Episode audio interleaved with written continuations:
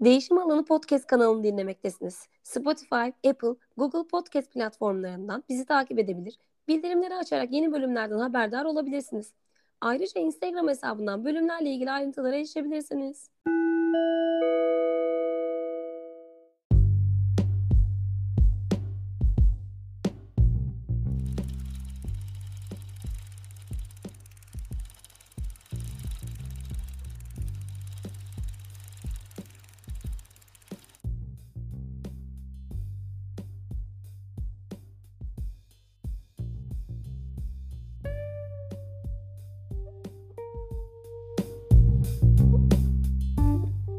Herkese merhabalar. Değişim Alanı Podcast'inin yeni bölümüyle karşınızdayız. Onur, merhabalar.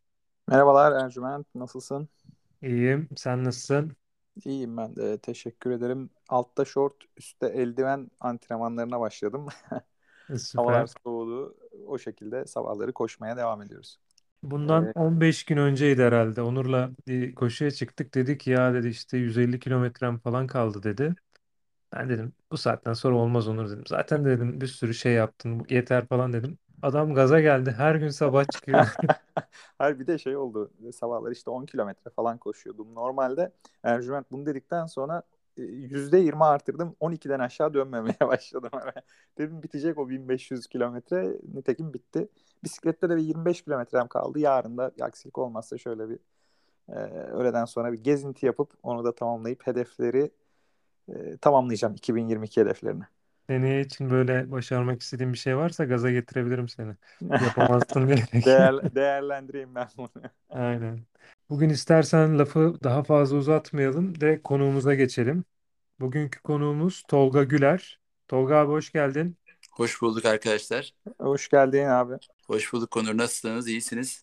Vallahi iyiyiz abi ya nasıl olalım? Kış aylarına alışmaya çalışıyoruz. Kış da gelmedi bu sene aslında ama. Hmm, evet yani biraz geç kalıyor bu sene gerçekten. Kimdir Tolga Güler peki abi? Yavaş yavaş başlayalım istersen.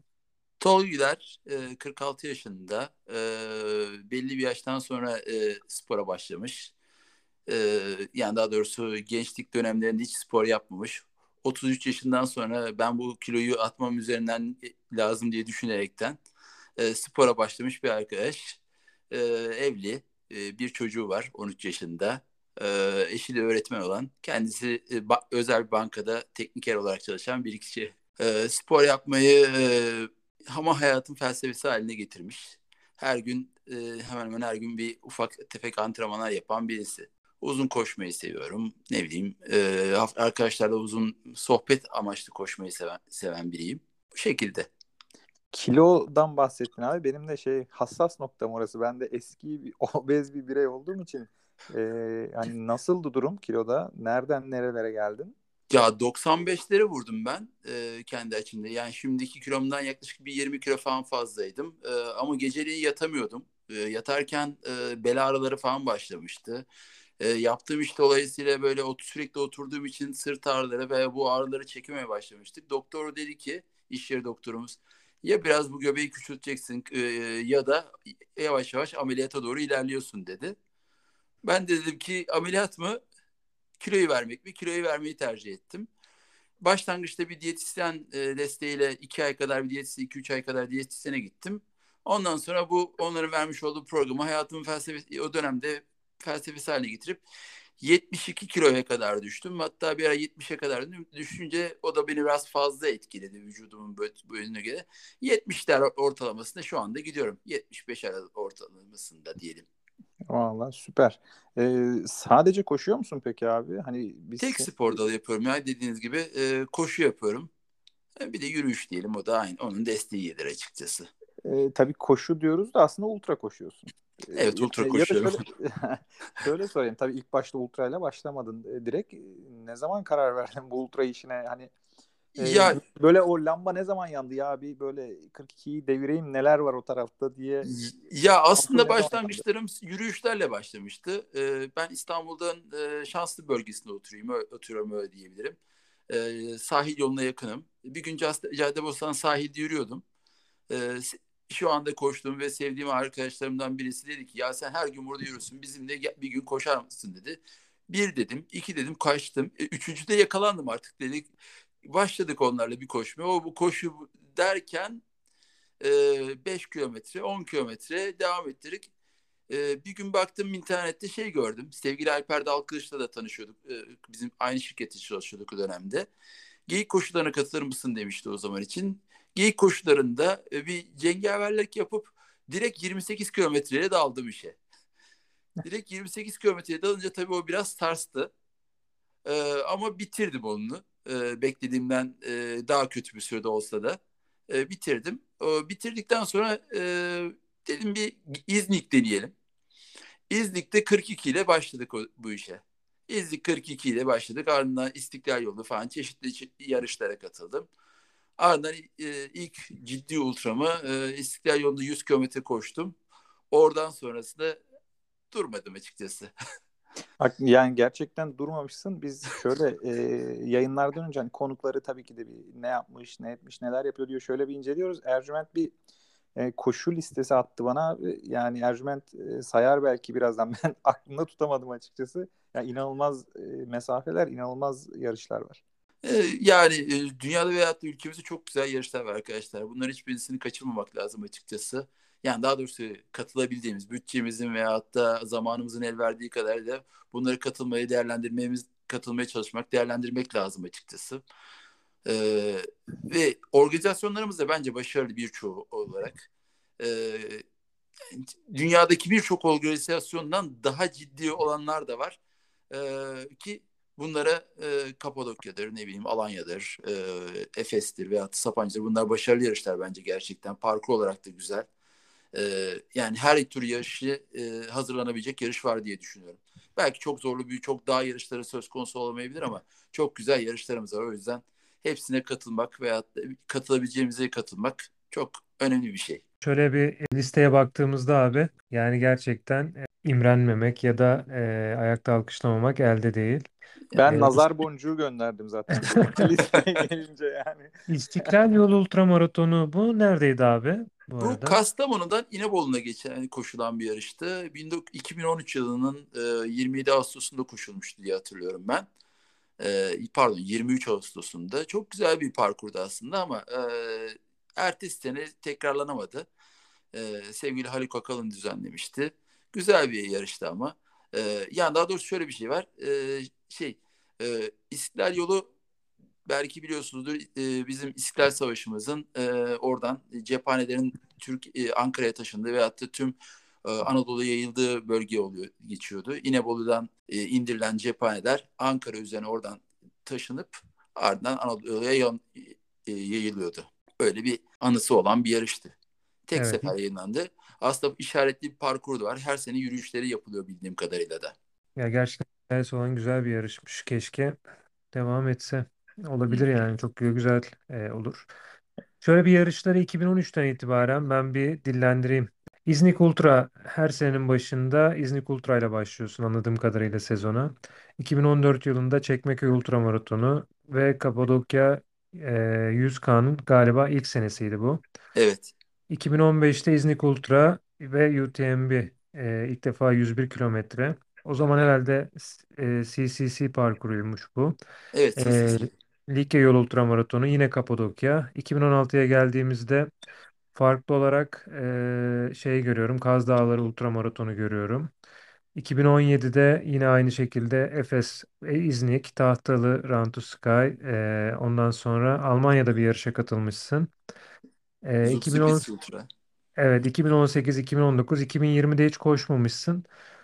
En son 2022'de bu sene Alanya Ultra ile başlamışsın e, sezona. İznik Ultra, Sapanca Ultra, Uludağ Ultra, e, Tor de Cihan e, ve Salamon'la sezonu kapatmışsın. Hepsi ultra mesafeler e, koşulmuş. Seni gerçekten tebrik ediyorum. Bunca 2013'ten bu yana her zaman antrene kalabilmek gerçekten büyük başarı. Aslında bu işi sevmekle başlıyor daha doğrusu. Arazide bulunmayı sevince insan hepsini yapabiliyor diye düşünüyorum açıkçası. Sevmeseniz yani, yapamazsınız açıkçası. şeyi söyleyeyim ultra mesafe dedin hani ultra mesafe nedir? Hepsi maraton mesafesinden uzun. Ben şöyle listeye baktım 20 civar yarış gördüm. İki tane sadece 28 30 kilometre gerisi hepsi 60'lar, 80'ler, 100'ler, 200'ler, 300'ler havalarda uçuşuyor yani. Evet e, işte İznik'teki e, bir bir yani bir 2021'de ve şeyde 2013'te kısa mesafe yani daha doğrusu e, nasıl söyleyeyim e, İznik Dağ Maratonu diye geçiyordu o zaman için onu koşmuştum. Onun dışında İznik'te hep uzun mesafeler. Kapadokya'yı hep uzun yani 8 defa uzun def mesafeyi koştum. Herhalde benden başka koşan da yok diye biliyorum bildiğim kadarıyla o mesafeyi. E, 2000 yani UTMB'nin CCC, T, e, TDS, e, UTMB yarışlarını birer defa koştum. PTL'e katıldık ama e, bizim tarzımıza uygun bir yarış olmadığını düşünüp birinci günün sonunda e, terk etme kararı aldık. Öyle diyeyim size. Vaktimiz olmasına rağmen ama içimiz ısınmadığından sevmediğimiz için yarışı. E, ilk defa böyle kendi başımıza istemeden bir yarış bitir- bırakmış olduk.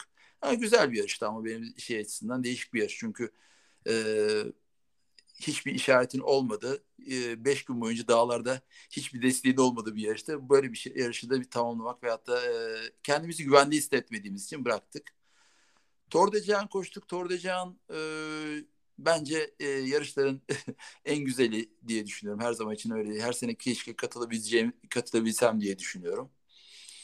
E, e, Türkiye'de ne bileyim Alanya Ultra çok keyifli. Yani ardından Sapancı dediğim gibi keyifli. Efes güzel yarışlar. Bunları koşmayı seviyorum açıkçası. Bunları her sene giderken bir ayrı heyecan hissediyorum. Orada bulunmanın getirdiği mutluluk var e, arazinin veyahut da dağlara çıkmanın mutluluğu var. Tahtalarının e, sıfırdan 100, e, 2365'e yükselmenin bir mutluluğu var. Bu güzel bir yarış bence. O yüzden bunları yaşamak, e, hayatın felsefesine uydurmak bunlar önemli şeyler açıkçası. Bence bunları yaşamayı seviyorum. Antrenör olmak konusuna gelince e, yapmak isteyince her şeyi yaparsınız. Zaman da yaratırsınız, şey de yaparsınız. Ben her sabah saat altı buçuk civarında çıkıyorum mesela. Yedi buçuk civarında da ant- bir yarışım, antrenör sabah hafta içi antrenmanı bırakıp bitirip e, koştura koştura duşumu alıp koştura koştura işime gidiyorum. hafta sonları dediğiniz gibi altı altı buçukta başlayıp üç üç buçuk saatlik bir antrenman temposu uyguluyoruz kendimize göre. Güzel bir ekibimiz de var iki tarafta da. Onlarla birlikte yaşamakta veyahut da yaşama yani hem yarışları paylaş, koşuyu paylaşıyoruz hem de arkadaşlarımın çoğuyla yaşama da paylaşıyoruz yani. Öyle olunca da e, her şey kolay bir şekilde ilerliyor. Kapadokya'nın son yarışında Tolga abiyle beraberdik. Karlık istasyonundan ayrıldığımda e, daha öncesinde Taşkınpaşa'ydı galiba abi. Yan yana oturup çay içtiğimiz. Orada bir ayaküstü sohbet etmiştik. Sonrasında ayrılmıştık. Karlıktan sonra e, o Nasıl arazi denir ona abi? Sen daha iyi Çarşak ifade edersin. diyebiliriz. Çarşak evet oradan Çarşak inişten eee, inerken benim böyle modum acayip düşmüştü. Eee, yani zaten orada bırakmak diye bir şey yok ama böyle negatif bir halde ilerliyorum eee, arazide. Sonrasında Tolga abiyle Güven abi yanımdan gidiyorlardı. Eee onlara işte bir laf attım falan filan öylelikle tanıştık. Dedim abi ben çok demoralize durumdayım. Eee, hani yarış bırakılacak yerde de değil. Kimse gelip beni almaz oradan. Onlar da sağ olsun özellikle eee, Tolga abi şey dedi yani takıl sen bize beraber eee, birazcık ilerleyelim falan dedi. Sonrasında ben böyle kafayı öne eğdim. Onların ışığını, onların adım izlerini takip ede yarı finişe kadar beraber ilerledik. Ee, öyle, öyle Tolga abiyle tanışmamız da bu şekilde. Tolga abi yarış sırasında şeyden bahsediyor. İşte e, yine aynı şekilde sohbet ediyoruz buradaki gibi. İşte Kapadokya işte bu yürüdüğümüz yolu ilk seferlerinde tersten koşuyorduk falan diyor. Ya bu bilgiler şey bir bilgiler. Sonrasında dedim ya Tolga abi dedim sen burayı kaç defa koştun? 8 defa dedi.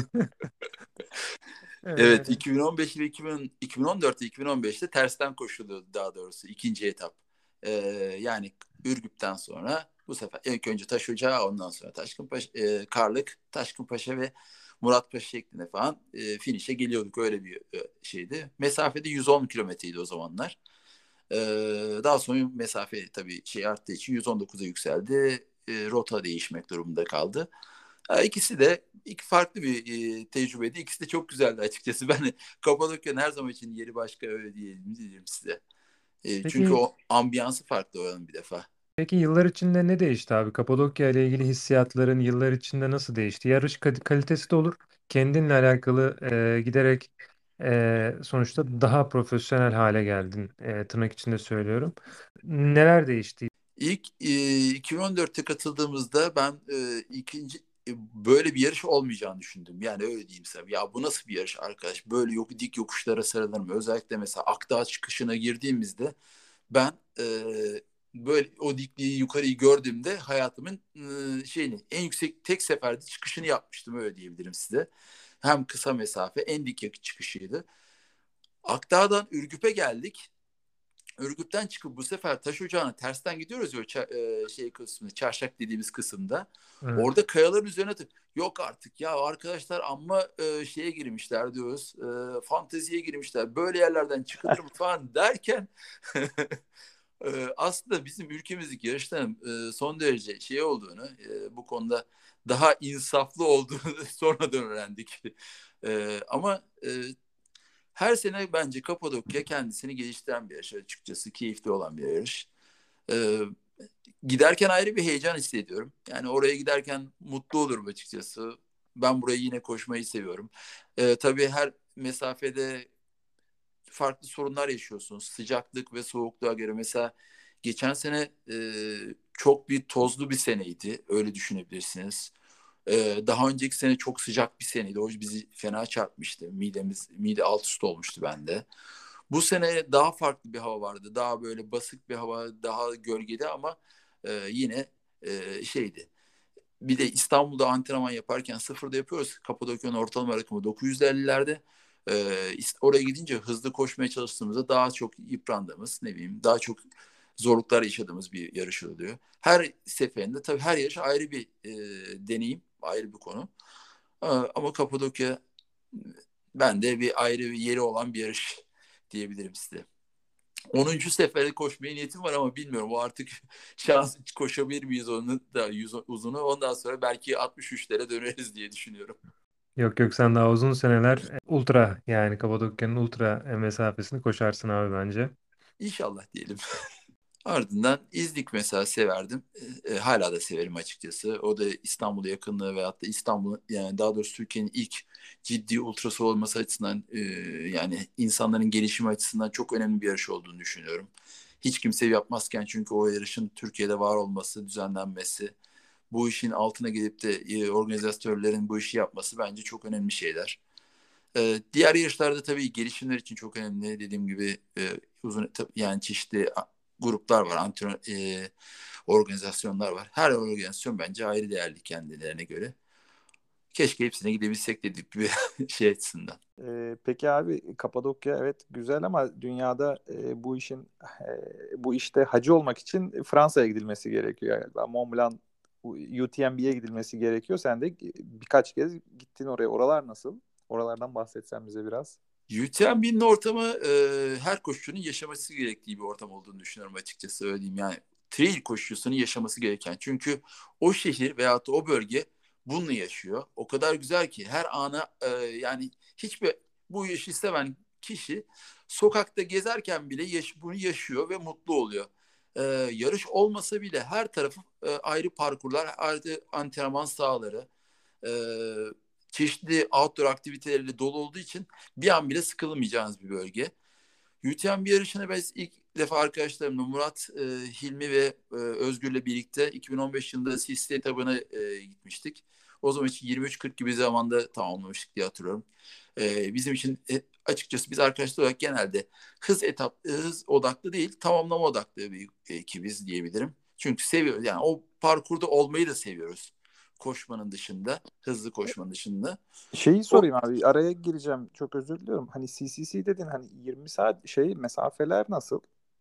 Ben çünkü hiç bilmiyorum UTMB işini. CCC 101 kilometre 6100 metre e, kazanımlı bir yarış. E, İtalya'nın Cormaior kasabasında başlayıp e, İsviçre'nin e, Champex kasabasına geçiyorsunuz. Ardından da yine e, İsviçre üzerinden de yine dağların tepesinden yani Alplerin tepesinden e, Fransa Chamonix'de bitirdiğiniz bir yarış oluyor diyeyim sana e, size. TDS yine Cormaior etabında e, 2015'te biz sisli koşmuştuk. 2016'da e, UTMB denedim. Orada bir 100. kilometre sakatlanınca bırakmak durumunda kaldım. Katufa kaldık öyle diyelim. 2018'de ama bu hedefi de tamamladık öyle diyeyim. Özgür Öktem'le birlikte gittik. 2018'de e, UTMB etabını da tamamladık. E, 2019'da bu sefer UTMB'nin koşmadığımız etabı TDS'e başvurduk. TDS'e çıktı. TDS'i de e, 36 saat civarında tamamlamış olduk.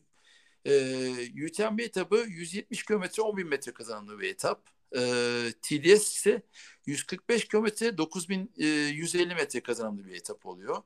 E, 9100 metre diyelim 150 metre ama e, şöyle söyleyeyim UTMB kendi etaplarında bir sıralama yapmış. E, OCC için easy diye belirtiyor. E, CCC için difficult diyor. UTMB difficult, TDS very difficult olarak değerlendirilen bir e, etap oluyor diyelim. E, daha dik yokuşları, e, daha dik inişlerin olduğu bir etap. E, ama e, her etabı ayrı bir keyifli tabii. Bu sene de mesela biz e, TDS'e başvurmayı planlıyoruz. Öyle bir hedefimiz var. Artık göreceğiz kendimize çıkar veya çıkmaz göreceğiz. Ona göre ilerleyeceğiz. E, her etabında ayrı bir heyecan var. Tamamlamanın bir mutluluğu var. O finisher yeleğini alıp da e, o e, şeyden finish tagın altından geçtikten sonra o fotoğrafı çektirip o mutluluğu yaşamanın hazzı bir başka. Yani tri, her tri koşucusunun keşke onu yaşayabilmesi lazım ama tabii sınırlar ve şeyler farklı. imkanlar ve e, şeyler. Biz şanslı bir ekiptik öyle diyelim. E, kendimizi öyle değerlendirelim açıkçası. Başka ne konu? PTL etabına işte 2011'de hepsini yaptık. Bir de buna gidelim dedik Özgür'le. Özgür ve Aylin Savacı Armador'la birlikte. Aylin arkadaşımızın e, vizesel sorunları olduğu için gelememişti. Biz Özgür'le birlikte ikimiz start aldık. E, ama dediğim gibi 60. kilometrede dedik ki biz bu parkur bize göre değil. Daha önümüzde katofa 6 saate kadar vakit yakın bir zaman vardı. E, biz bunu bırakma kararı aldık ve yarışı bıraktık. Ee, yani yoksa gide, gidebilir miydik? Gidebilirdik ama dediğimiz gibi sevmediğimiz bir etabı koşmaktan sonra veyahut da sakatlanmayı e, göze almadık. Çünkü çok teknik bir etapta öyle şeyler e, öyle yerlerden geçiyorsunuz ki e, ya ben böyle bir yerler e, bu şekilde burası bir koşu yarış değil hissediyorsunuz zaten. O bir dağcılık yarışı diye algılay algıladık biz kendimiz direkt. E, bir sırttan geçiyorsunuz mesela. Sırttan geçerken e, önünüzde kocaman bir kaya var kayanın üzerinden atlayamazsınız. Arkada aşağısı 300 metrelik bir uçurum. Uçurumun kenarında kayaya böyle sağdan tutuna tutuna böyle e, şey sağ... öyle bir yerden geçiyorsun. Gece geçiyoruz orayı bir yere. Ee, öyle bir dik çıkış var. Anlatamam. Ee, o konuyu çıkarken otlara tutuna tutuna yukarı tırmanıyoruz. Yukarıdan birisi size bağırıyor. Atanziyone diye bir ses. Bu demek yukarıdan kaya düşüyor demek oluyor bu bunu değil bu o biz Özgür'le ondan sonra bir yere geldik. Abi biz bunu devam ettirmeyelim dedik şimdilik. Ee, gelecekte ve burayı bir plana alalım ama şimdilik bunu yaşamaya gerek yok dedik ve bırakma kararı aldık. Bu kadarına gerek yok diye. ya bir yerden geçiyoruz zaten. Öyle bir noktadan geçiyorlar ki e, ileride vatandaşların çıktığı bir yer var. Tırmanmaya çalışıyorlar. 5 e, kişilik bir gruplar onlar. 5-6 kişilik bir gruplar. Biz e, herhalde iki kilometre öteden adam, vatandaşları görüyoruz tırmandıklarını. Oradan geçerken de yukarıdan e, yol açmaya çalışan bir ekip var. Onlar da e, kaya patlatıyorlar orada. Biz orada yukarıdan bağır, aşağıdan bağırınca adamlar patlatmayı durdurdular. Dinamitle patlatmayı. Yani hani şey yarış var falan diye bir önlem yok o zaman oralarda. Ee, çok PTL'de yani büyük bir, bir alan olduğu için. Tamam. Yok öyle bir şey yok. PTL'de bir yalnızlık içindesiniz. Yani siz parkura salıyorlar Ondan sonra sen nasıl bitirirsen bitir. Ee, yiyeceğini de kendi taşıyorsun çünkü. Ee, sadece 4, 4 günlük 4 adet yemek fiş veriyor. Onun dışında e, sana başka bir şey vermiyor. Bir iki tane nokta var. Yani CP falan yok öyle değil size arkadaşlar. Hmm. Sırtınızdaki yiyeceğinizden onu ilerlemek durumundasınız. Ne bileyim kafanızda kask, kask taşıyacaksanız ardından dağcılık ekipmanlarınız var onları taşımanız gerekiyor falan. Öyle olunca biraz da bizi e, aştığını düşündük Özgür'le. Dedik biz burada bırakıyoruz yeter. ya e, beş kişi mesela iki kilometre ötede çıkıyoruz. Onların dibine geldik. E, iki kilometre ötemizdeler. Adamlar hala yukarı tırmanmaya çalışıyorlar. Kumda kaya kaya. Ee, öyle olunca biz kramponları taktık. Kramponları taktığımız görünce onlar da bu sefer krampon takıp gelmeye başladılar falan arkamızdan. Biz onları geçtik öyle diyeyim. Yani o, öyle bir parkur. Ee, Şey mi peki yani bir yerden start veriliyor diyorlar ki işte finish şurada nereden nasıl gelirseniz gelin şeklinde bir yarışım bu. Evet bir yerden yani o o zaman e, normalde aslında e, şeyden Chamonix'de start verilip ardından e, Chamonix'de finish olan bir yarıştı. Ama 2021'de biz gittiğimizde İsviçre'nin Osijek kasabında start verildi.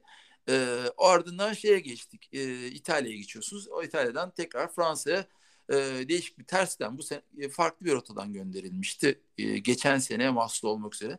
Bu arada her sene rotasını değiştiriyorlar. Hep aynı değil. Farklı yerlerden farklı zamanlarda geçiriyorlar. E, daha önce koşanlar ve o parkuru bilenler e, kestirme yollardan geçebiliyorlar. Biz ama onu bilmiyoruz. E, kol saatimizdeki GPS rotasını takip ederek o şekilde ilerliyorduk. GPS rotası sizi yol olmayan bir yerden dikenlerin içerisinden geçiyor. E, aşağıda yol var görüyoruz 20 metre aşağıda. Ama inemiyoruz yola. Korkuyoruz bir rotayı bir yerde kaçırıp tekrar kaybolursak falan diye. Ee, orada çok farklı şeyler. Mesela bir gece yarısı bir derinin üzerinden atlayacağız, geçeceğiz. Herkes o noktada kayaların üzerinde. Ben orada geçerken dereye düştüm. Gece saat 9. Dışarısı 0 derece. Derenin içerisine girip tamamıyla sırılsıklam oldum. Ee, ondan sonra üstümü falan değiştirim falan derken apar topar ondan sonra koşmaya başladık tabii. Hipotermiye girmeyelim diye. bir gece içerisinde çok efsaneleri yaşadığımız bir yarış olunca dedik bu yeter. bu kadar macera yeter. Evet. Geleceğe de bir maceramız kalsın diye düşündük Özgür'le kendimize. ee, ama dediğim gibi e, tüm e, trail koşucuların daha doğrusu outdoor'u seven kişilerin bulunması gereken e, bir alan diye düşünüyorum. Yani, Şamani kasabasını bir gidip görsünler. Yaşamın orada nasıl outdoor'la e, yaşandığını, herkesin bunun yaşam felsefesi haline nasıl getirdiğini orada hissediyorsunuz. Peki abi Tour de Gian'dan biraz bahsetsen bize. Üçüncü kez katılıyorsun bildiğim kadarıyla. Evet, e, bu sene Tour de üçüncü kez katıldık. İlk 2017'de Özgür Öktem'le birlikte gitmiştik. E, ardından 2019'da ben tek gittim. O E, nasıl bir yarış abi? Detaylarından bahsetmek ister misin? e, Tour de Gian, e, İtalya'nın Cormeur kasabasında başlayıp Aosta Vadisi denilen bir bölgesi var. Yani o e, yani Mont Blanc'ın İtalya, ta- İt- İtalya tarafı oluyor. Ee, 330 kilometre resmi olarak gözüken mesafe ama her sene rota biraz daha geliştirilerek e, değişen bir yarış. E, resmi istatistikinde 330 kilometre artı 24 bin metre kazanımlı bir yarış olarak gösterip e, bu seneki değerleri 350 kilometre e, 30 bin metreye çekilmiş bir yarış diyelim öyle diyeyim size. E, yani birinci, ikinci kilometreyi görmeden e, çok sert bir tırmanışla başlıyor. E, 1000 metre rakımda bir bölge e, Kormayor. 1100 metre pardon.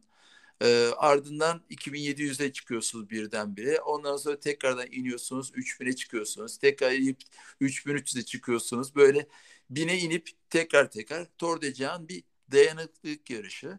Her etabı ayrı bir güzel bu arada. Her e, 350 kilometrelik mesafede diyelim. 5 e, ayrı life base denilen ana noktalar var. Bu life base arada 10 kilometrede bir CP'ler var. Ayrıca her 50 kilometrede life base denilen ara noktalar var. Bu life base'lerde e, uyuyabiliyorsunuz, duş alabiliyorsunuz, masaj yaptırabiliyorsunuz. Bu tür imkanlar sağlanan. E, ben e, UTMB'ler mi, Tour de Gian'lar mı diye sorarsanız ben her zaman için Tour de Gian diyecek bir yarışçıyım öyle diyeyim size. Çünkü her yarış başkadır, Tour yarış başkadır, Tour, Tour bir başkadır diye düşünürüm. Her bir de mesafe 350 kilometreyi bulduğu için zaman da 150 saat. 150 saat içerisinde uykunuz, e, koşunuz, tırmanmanız yani hepsini birlikte yapıyorsunuz. Duşunuzu, yemeğiniz, içtiğiniz hepsini tamamlı iyi planlamanız lazım. E, uyku planı özellikle bu yarışın en önemli nokta. E, kaçıncı e, hangi saatte uyuyacaksınız, hangi noktada uyuyacaksınız bunları planlamanız lazım. Yoksa e, yarış hiç istenmeyen sonuçlarla bitebilir. Yani hiç istenmeyen dediğim bırakabilirsiniz veya şey yapabilirsiniz. İlk biz 2017'de gittik dediğim gibi Özgür'le. Beni 240. kilometre mesela doktor attı yarıştan. Ee, planımız düzgün olmadığı için ve şey olmadığı için deneyimsizliğin getirmişliği olduğu bir şey var. Bir de hasta olduk orada. Çok soğuk bir yarıştı.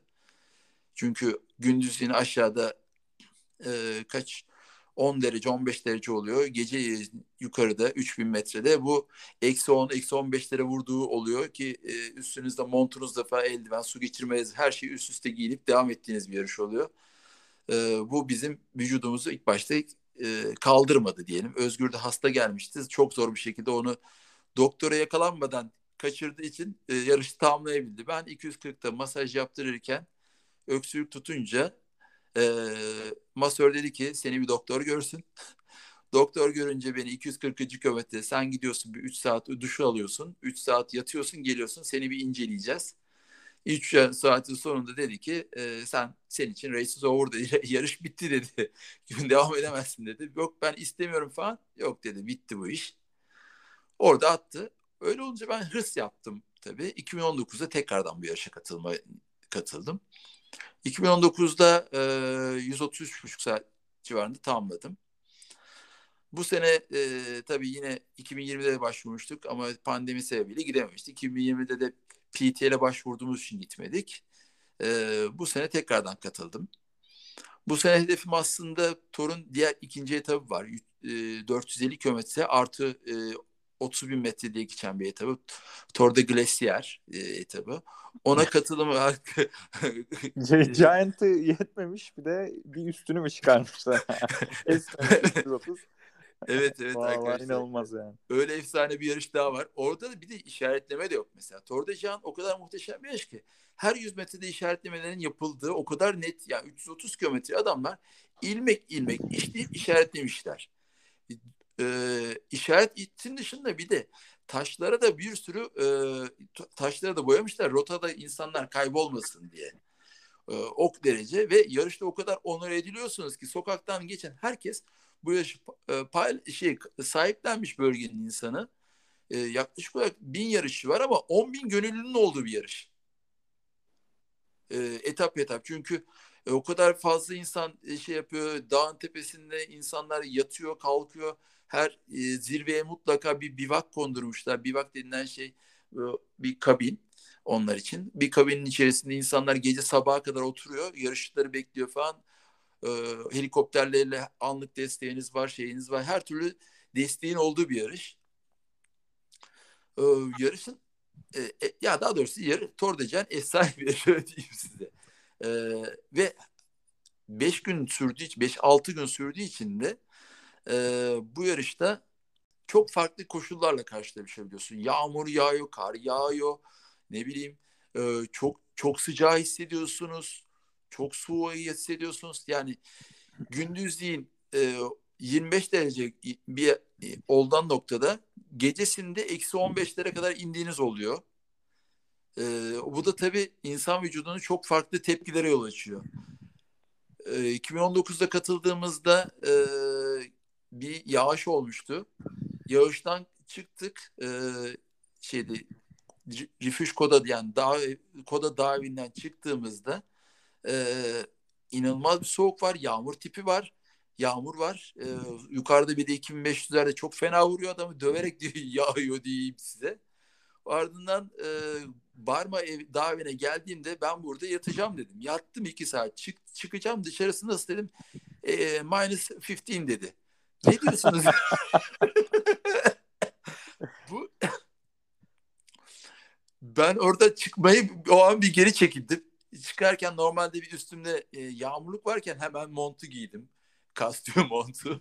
Üstüne eldiven, eldiven üstüne ya, su geçirmez eldiven. E, su geçirmez pantolon da üstüne giydim. Yani Titan üzerine bir de su geçirmez pantolon da giydim ki soğuk yemeyelim. O şekilde ilerledik. Tabii bu mesela başkaları o şekilde ilerlemiş. Ben orada mesela çok büyük bir zaman kazandım. Ee, oraya girdiğimde e, çıktığım arasında 55 kişi falan bir farklılık oluşmuştu mesela. Tabii ben bunu böyle bir hesapla yapmadım. Kendi üşümemek için bunları giyinip çıkmıştım. Millet beklemiş sabaha kadar orada. Ee, şey açısından. Soğuğu hissetmeyeyim. Yeter ki yarışı bitireyim diye. Ee, bu seneki mesela e, yarışta 330. kilometreye geldiğimde son tepe artık tırmandım. Ee, 2700 metrede e, Rifiş yani Frasatti yani da, Frasatti Dağı var. Buraya geldik. Buranın son geçişi 2990 metre şey e, Kol diye bir geçit var. Kol Malatya geçeceğiz. 2700 yani 230, 200 metre, 250 metrelik bir tırmanışımız kaldı. Oraya geldim. Dağ evinde bir şeyler yiyip çıkayım dedim. Son gece saat 12.02 girdim.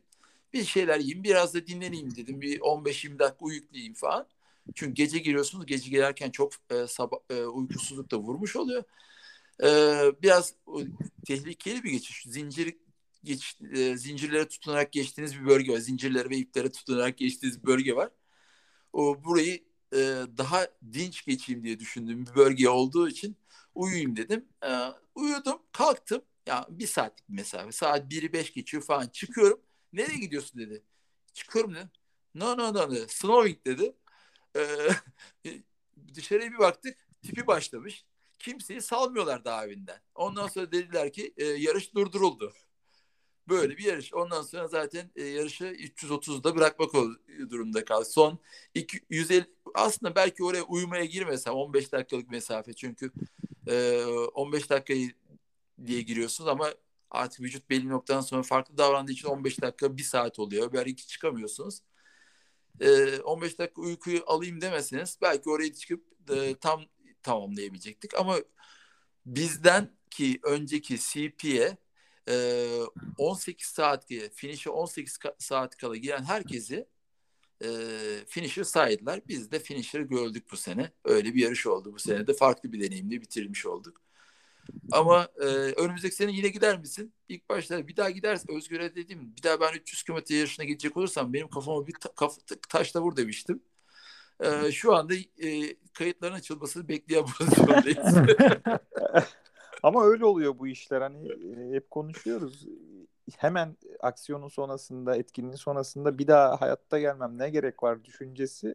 E, bir ay iki ay sonra böyle bir daha seneye nasıl yaparız da tekrar yaparız gibisinden düşüncelere dönüşmeye başlıyor yavaş yavaş. Kapadokya sonrası önümüzdeki seneyi planlamaya başladık en basit de öyle Evet, evet.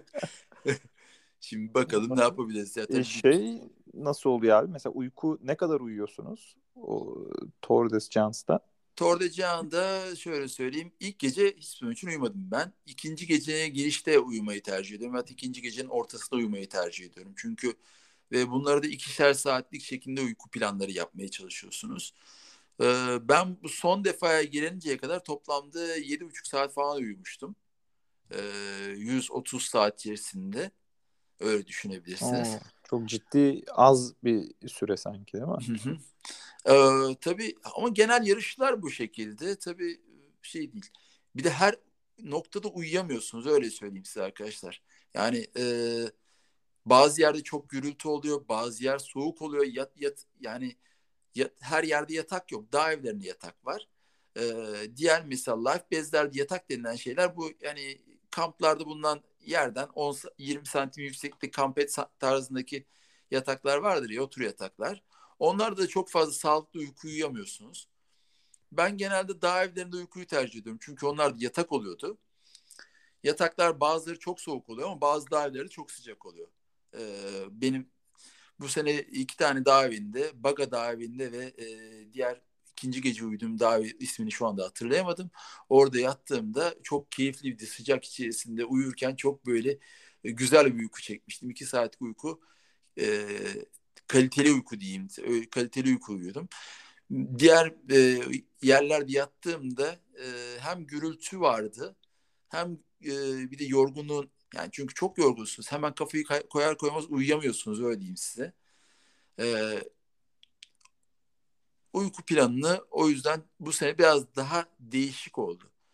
Normalde e, pandemi öncesi Torun kayıtlı yarış, yarışçısı bir de 800 kişi olması gerekirken bu sene pandemide olup da ertesi seneye attıkları yarışçılar vardı. Bundan dolayı 1100 kişiye çıkartmışlardı katılımcı sayısını. Bu kalabalık da biraz e, bu seneki uyku alanlarının miktarını azaltmıştı. Bir iki de davi de pandemi dolayısıyla kapanmıştı. Bunlardan dolayı insanların uyku yerleri ve azaldığı için bir kalabalık vardı. O kalabalıktan dolayı istediğimiz yerleri, istediğimiz uyku düzenini sağlayamadık diyebilirim. Ama bu ama yine de e, kafaya koyunca yapılmayacak bir şey oldu değil açıkçası. Yani e, uykusuz da gidebiliyorsunuz. Bunu öğrendik açıkçası. Ama tabii bir hafta boyunca ondan sonra ayakta uyumaya devam ediyorsunuz yarış bittikten sonra. Kafayı her oturduğunuz noktada kafa böyle küt diye gidiyor yan tarafa uyuyorsunuz. Ee, birileri konuşurken araba kullanmanızı mesela kesinlikle tavsiye etmem o yarıştan sonra. Zor bir yarış. Ee, 3300'e tırmanırken çok farklı hisleriniz oluyor. Çünkü e, o, o tepeye çıkarken e, çok dik bir yokuş gerçekten. E, zaten 150. 100, 110 kilometreyi geçmiş oluyorsunuz. Ardından tekrar 3000 metreye tırmanmaya başlayınca o sıcakta özellikle sıcakta tırmanıyorsunuz güneş vurduğunda çok e, yıpratıcı oluyor. E, yani doğru e, ama e, eğer bu işi uzun mesafeyi seviyorsanız gerçekten uzun ve e, size önem verilen bir yarış düşünüyorsanız Tor'da bir e, Tor'da Cihan'da e, katılınması gereken bir yarış olduğunu düşünüyorum. Ben o yüzden çok seviyorum her sene katılmayı keşke gidebilsem diyorum. Bize bu yarışta vizyon aslında e, Girgin kardeşler açtı açıkçası. E, arkadaşlar duymamış olabilirsiniz belki bunlar e, bir, Tour de Dians'ı da Tour Glacier'i de e, defalarca bitirmiş kişiler. İki, iki kardeş, e, ikizler bunlar. E, son derece hepimiz Türkiye'deki yurt dışına giden yarışlara giden bütün arkadaşlar mesela bu arkadaşlarla görüşüp onların fikirlerini almışlardır diye düşünüyorum. Çünkü çok deneyimliler gerçekten. Biz de onların desteğiyle bu işleri e, daha kolay bir şekilde yaptık diyelim. Peki beslenmeyi nasıl ayarladın mesela abi? Tour de France özelinde e, konuşalım istersen bunu ya da diğer yarışlarla da alakalı. E, nasıl besleniyorsun yarış anında? Aslında doğru şu anda ben e, bu konuda ben doğru kişi pek olmayabilirim açıkçası arkadaşlar. Yani çünkü ben hala besleme planımı çünkü çok iyi beceremiyorum bu konuda. Sorunlar yaşadığım çok oldu. Mide sorunları çok yaşayan biriyim. Ama e, olabildiğince elektrolit almaya çalışıyorum. Öyle diyeyim size. Sodadır ne bileyim şeydir. Jel fazla kullanamıyorum. Belli noktadan sonra benim e, midemi biraz bozuyor. E, Sen şekerli çay içiyorsun abi. Evet şekerli çay içiyor. O mu etkiliyor diyorsun bir taraftan? Ama seviyoruz ne yapalım. Ama o da beni toparlıyor biraz öyle diyebilirim size. Evet evet kesinlikle. Ee, e, düşmüş halimi şeker beni yükseltiyor. Ondan sonra belki düşürüyor olabilir tabii bu da ayrı bir konu. Ee, profesyonel destek şu ana kadar hiç almadım öyle diyelim, diyelim size. Ama e, CP'lerde bulduğum her şeyi yemeye çalışıyorum. Ee, fazla ayırt etmemeye çalışıyorum. Ee, fazla tatlı yememeye çalışıyorum. Özellikle tuzlu yemeye çalışıyorum genelde. Tuzlu ve Şekerli çay sadece tatlının e, en ufak kısmı diyelim size. Tatlı yemiyorum önünüzden. E, bisküvi, çorba ve e, diğer ürünleri tüketmeye dikkat etmeye çalışıyorum. E, tabii yani bir, vücut belli noktadan sonra yıpranıyor. Ondan sonrasını zaten ne yeseniz de fazla şeyi e, kabul etmiyor. E, bir de parkurda kaldıkça vücudun yıpranma miktarı da kalıyor. Ben çok fazla parkurda kalıyorum kendimi değerlendirdiğim zaman. Bu da e, tabii mideyi daha fazla etkiliyor diyeyim. Orada yıprattığı noktalar var. E, aslında daha hızlı koşsam belki daha hızlı bitireceğim ama hızlı koştuğum zaman da midem çok da fazla hızlanıyor. Mesela her sene girişte bir çavuş bir sarsılırım ben. Çavuş inişi beni bir orayı hızlı koşarım inişini. Ondan sonra bir e, dinlenmem gerekir. Oradan sonra tekrardan Akdağ'a tırmanırken Kapadokya'da e, bir şey yaparım. Bir dinlenirim, beklerim. 20 dakika falan orada takılırım öyle diyeyim size. Çünkü ancak toparlanabiliyorum. Ondan sonra devam ederim ama tıkır tıkır geçerim diye böyle diyeyim size. Isındıktan sonra sıkıntı yaşamıyorum diyorsun. Evet sıkındıktan, ısındıktan sonra sıkıntı. Durduğum zamanlar daha çok sorun, sorun yaşıyorum. Ee, bir de yarışların sonlarına doğru biraz daha motivasyonum benim her zaman artar. Ee, yani yüzde son yüzde yirmiye geldiğim zaman ben artık bu işi bu yarışın bittiğini düşünürüm. Kafamda hep öyle deri kuruyorum. Ondan sonra biraz tempomu arttırırım. Ee, ilk yarısında biraz e, yavaşlarım. İlk, yarıyla yüzde seksen arasında yavaşlarım. Ondan sonrası biraz daha hızlı, daha hızlı hareket ederim. Ee, peki abi haftalık kaç saat antrenman süren var? Yarışlara hazırlandığım dönemlerde haftalık olarak e, 12 saate falan çıktığımız oluyor. 12-15 saate. E, normal dönemlerimizde 7-8 saat civarında falan tutuyoruz genelde. O Şu da yani bir... günlük bir saat gibi bir Evet. ortalama. Her gün çıkmıyoruz. Haftanın iki günü kendime genelde dinlenme vermeye çalışıyorum. Bir toparlama süreci. E, hafta sonları biraz arttırıyoruz tabii. E, üç, iki buçuk üç saat aralığında cumartesi pazar şeklinde. Ondan sonrası hafta gün hafta içi e, 10'ar kilometre şeklinde genelde antrenman yapıyorum. Hafta sonları 20 ve üstüne çıkmaya çalışıyoruz. 20-25 arası. E, uzun ultralar hazırlandığımız zaman 30-35 aralığına falan çıkmaya çalışıyoruz. Antrenör yok anladığım kadarıyla. E, ekip hiç kullanmadım daha doğrusu. Bir e, uzman desteği bu konuda hiç almadım. Kendi çapımızda, arkadaşlarımızla biraz daha farklı antrenmanlar yapıyoruz kendi içimizde. E, genelde seven arkadaşlarımız var. E, onlarla birlikte hareket ediyoruz. Hep birlikte olunca motivasyonumuz yüksek oluyor.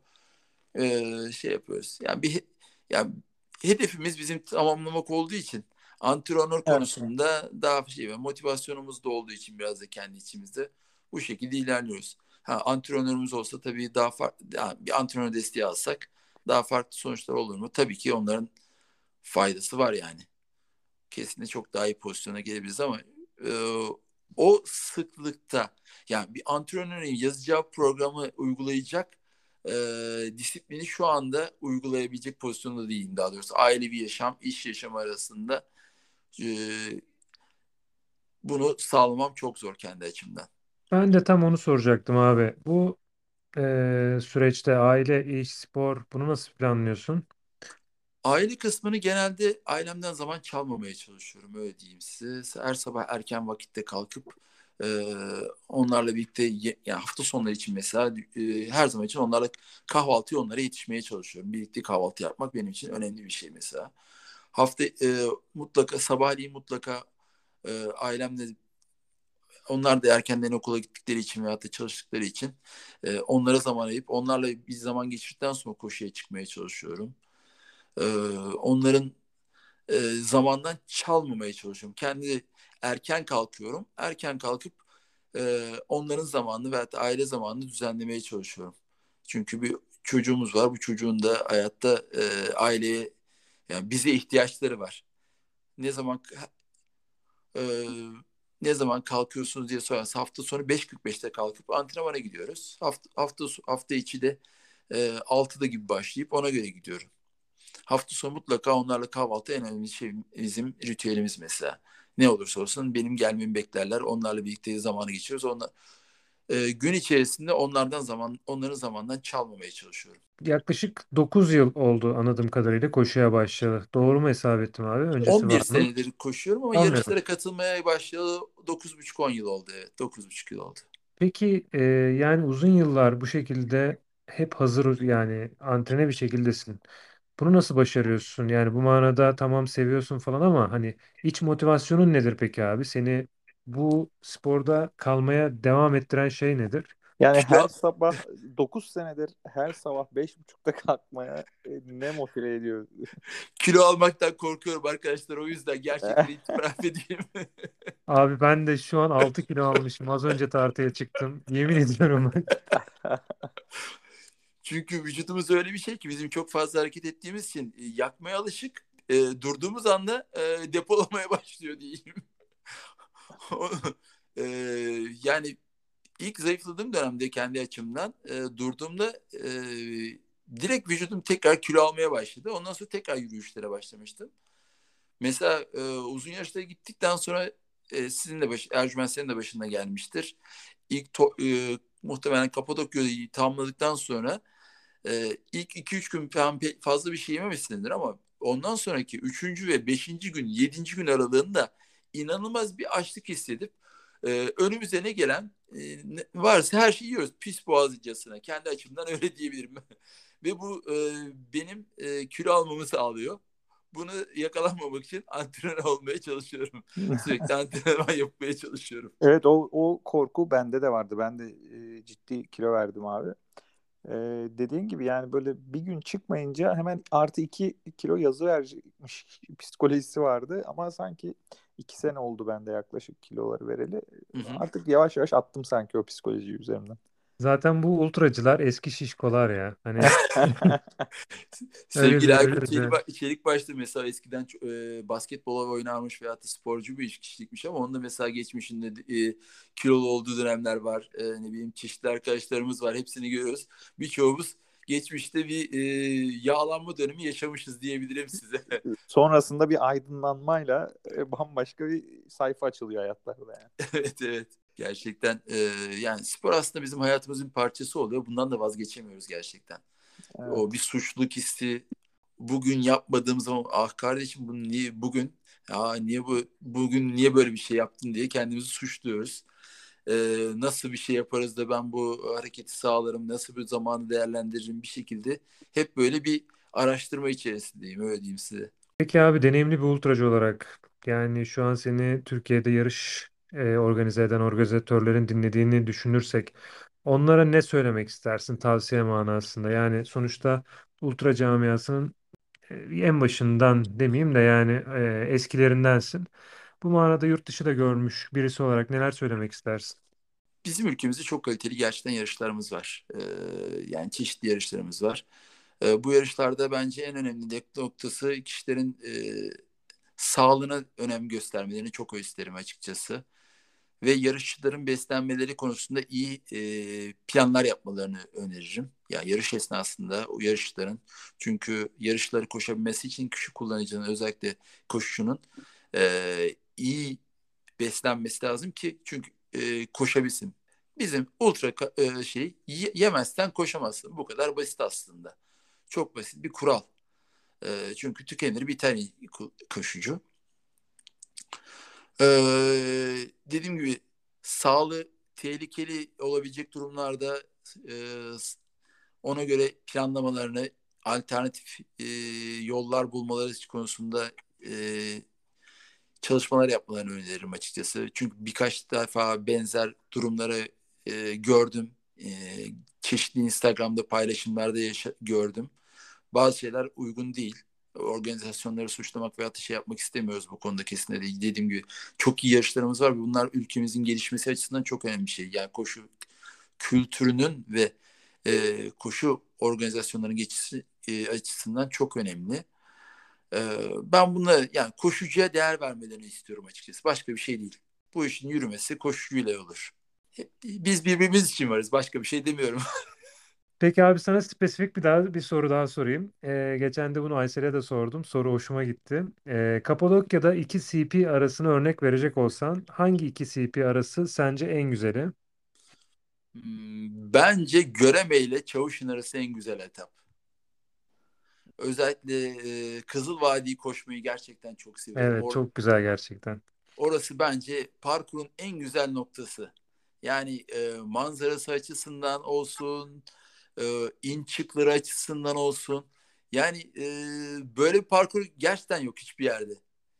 E, ya yurt dışına da gittiğinizde de e, yarışlara gittiğinizde de en basitinde size herkes Kapadokya'yı soruyor. Yani Kapadokya'nın bir ambiyansı var. O bunu da en iyi yaşatan bölgede bence Göreme ile e, Göreme ile Çavuşin arasındaki bölge e, en net olarak tarif edilecek bölge. Vallahi öyle öyle güzel anlattınız. Bu sene Kapadokya koşturacaksınız bana. Yani Kapadokya bu işe başlamak için en güzel yerlerin başında geliyor öyle diyebilirim size arkadaşlar. Hem motivasyon olarak hem ambiyans olarak hem de organizasyon olarak e, top noktası Türkiye'nin. Peki negatif olarak hangi iki CP arası en kötü ya da gerek yok koşmaya dediğin yer neresi? Hmm, Damsa ile Taşkınpaşa arası benim için zor gelir. Abi ben sana bir şey söyleyeyim mi? Ben seni o noktada geçmiştim. Taşkınpaşa'ya senden önce girmiştim. Çok iyi hatırlıyorum. Orası çok tozlu bir bölge ya. O Evet. yüzden e, pek böyle şey gelmez. E, insanlara keyifli gelmez açıkçası ve zor bir bölge, bölge gerçekten. Motivasyon da düşürücü bir bölge. E, o tozu, o Kapadokya'nın tozunu en çok hissettiğiniz bölge. O yüzden insanları çok yıpratıyor. Ben o yüzden pek orayı sevmiyorum ama o da olmak zorunda. Evet aynen Her öyle. türlü parkura alışmak lazım. Çünkü yurt dışında çok çeşitli parkurlar var. Ee, Türkiye'de dediğim gibi e, biz aslında çok lüks yarışlarda koşuyoruz. Ee, bir yarışta hatırlıyorum adam şey demişti. yani e, biz burada sizin güvenliğinizi sağlamak çok fazla zorunda değiliz gibisinden bir açıklama yapmıştı. Aa, insanlar falan böyle şey yapıyordu. Hepiniz kendinize sigortasını yaptırın falan gibisinden konuşmalar olmuştu. Çok ilginç bir bakış açısıydı. Ee, o yüzden e, kendimizi yurt dışındaki yarış, eğer yurt dışında yarış koşmak istiyorsak e, çok çeşitli yarışlar ve çok çeşitli o hava şartları ve koşullarda koşmamız gerekiyor. Peki abi ultra dünyasından veya normal koşu dünyasından veya farklı branşlardan böyle sporcu kişiliğini e, örnek aldığın sporcular var mı Türk veya yabancı? Yani Türkiye'de sevgili Aykut Çelikbaş var. Yani e, yani her anında adamınla birlikte koşmak da çok keyifli veyahut onu dinlemek de çok keyifli. E, şey var yani e, etik tarafı çok güçlü bir insan. Bu çok önemli bir şey. Bir koşucuda veyahut da sporcuda e, etik olmasını çok önem veriyorum ben açıkçası. Yani hiçbir zaman için kestirme veyahut da şeyleri falan kaçmayan hayatta. Çünkü çok farklı insanlarla karşılaştık bu camiada da koşu, her türlü camiada rastlaşıyoruz. Ee, ülkemizde e, dediğim gibi Aykut var. Yurt dışında e, hepimizin örnek aldığı tabii Killian'ları ne bileyim e, François'dır. Bunlar ayrı bir konu. Kadınlarda Courtney Water ayrı bir konu. Mimi Kota ayrı bir konu. Bunlar şey açısından. Dağcılık konusunda Alex Honnold'ı takip etmeyi çok seviyorum. Adamın çok güzel e, şeyleri var. E, paylaşımları var. Hem Instagram sayfasında hem de e, YouTube kanalında, YouTube videolarında daha doğrusu. Bunları takip etmeyi ve e, yani bunları konuşmayı seviyorum. Ee, peki abi önerebileceğin kitap var mı bize? Yani Ultra hani kitabı okudum. sevgili Aykut'un Ultra kitabı her zaman için önemli. Evet yani Aykut Çelikbaş deyince aklıma geldi açıkçası. Ee, yani Ultra kitap hem koşmayı sevdirmek açısından güzel hem e, basit program yani daha doğrusu koşmaya başlayanlar için programlar açısından e, yani bir tabii ki bir şey değil yani e, belki top nokta değil ama e, çok güzel pro, e, yönlendirici bir kitap öyle diyebilirim. E, Elana e, e, Elan'ın kitabını önerim.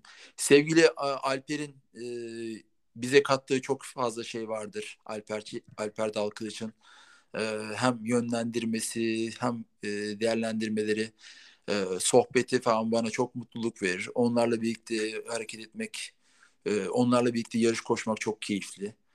E, örnek aldığım kişilerin başında bunlar var yani. Peki sen, sen bir gün kitap yazmayı düşünüyor musun peki abi? Ee, kendimi o kadar iyi e, derece dil bilgisine sahip olduğumu düşünmüyorum açıkçası. Ee, keşke yapabilsem ama e, şu anda buna hazır değilim diyebilirim. Zaten e, her yarışı anlatmaya çalışsam biraz uzun e, bir kitap olur herhalde. Yani dediğim gibi bizim arkadaşlarımız yani yer, mesela Elena'nın Elena'nın yaşadığı şeyleri biz mesela Elena ve Alper'i takip ederekten bu işlere başladık diyebilirim. Veyahut da e, Serkan Sertan Girgin kardeşleri takip etmeyi e, onları onlarla bir şeyler paylaşaraktan bu işi başladık diyebilirim. Onlarla birlikte hareket onlar varken bana pek düşmek düşmez diye düşünüyorum. Sonlarda bu konuları en sonlardaki kişilerden biriyim diye düşünüyorum kendimi.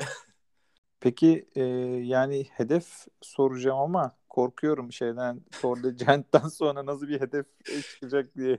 Ya keşke bu sene Tour de Giant'ı 130 saat altta tamamlayabilseydim. E, Tour de gitmeyi çok düşünüyordum. Ama Tour de e, hedefimiz bu sene olmadı. Bir gün e, Tour de Giant'ı 30 saatin altında koşarsam 130 saatin ardında pardon e, Tour de Glacier'de koşmayı ve bir, ara, bir, bir arada PTL'i tamamlamayı çok istiyorum. Ee, yarım, yarım kalmış yarım kalmış hesabı kapatacağım diyorsun. Evet. Evet ya onlar e, onlara da bir çek işareti atalım istiyorum açıkçası öyle diyeyim. Bu şekilde. Tolga abi valla katıldığın için çok teşekkürler. Benim adıma çok keyifli bir sohbet oldu. Ben de sizlerle mutlu birlikte olmaktan çok mutlu oldum arkadaşlar. Çok teşekkür ederim. Çok teşekkürler. Umarım PTL ile yarım kalan hesabını ve e, Tour de Glacier'de de e, koştuğunu görürüz. Umarız arkadaşlar. Hep birlikte koşabilmek dileğiyle diyelim o zaman. Öyleyse herkese iyi antrenmanlar, iyi akşamlar. İyi akşamlar. İyi antrenmanlar, iyi akşamlar. Değişim Alanı Podcast kanalını dinlediniz. Kanala abone olmayı, bildirimleri açmayı ve Instagram'da Değişim Alanı'nı takip etmeyi unutmayın. Eğer beğendiyseniz paylaşmayı ihmal etmeyin. Sporla kalın.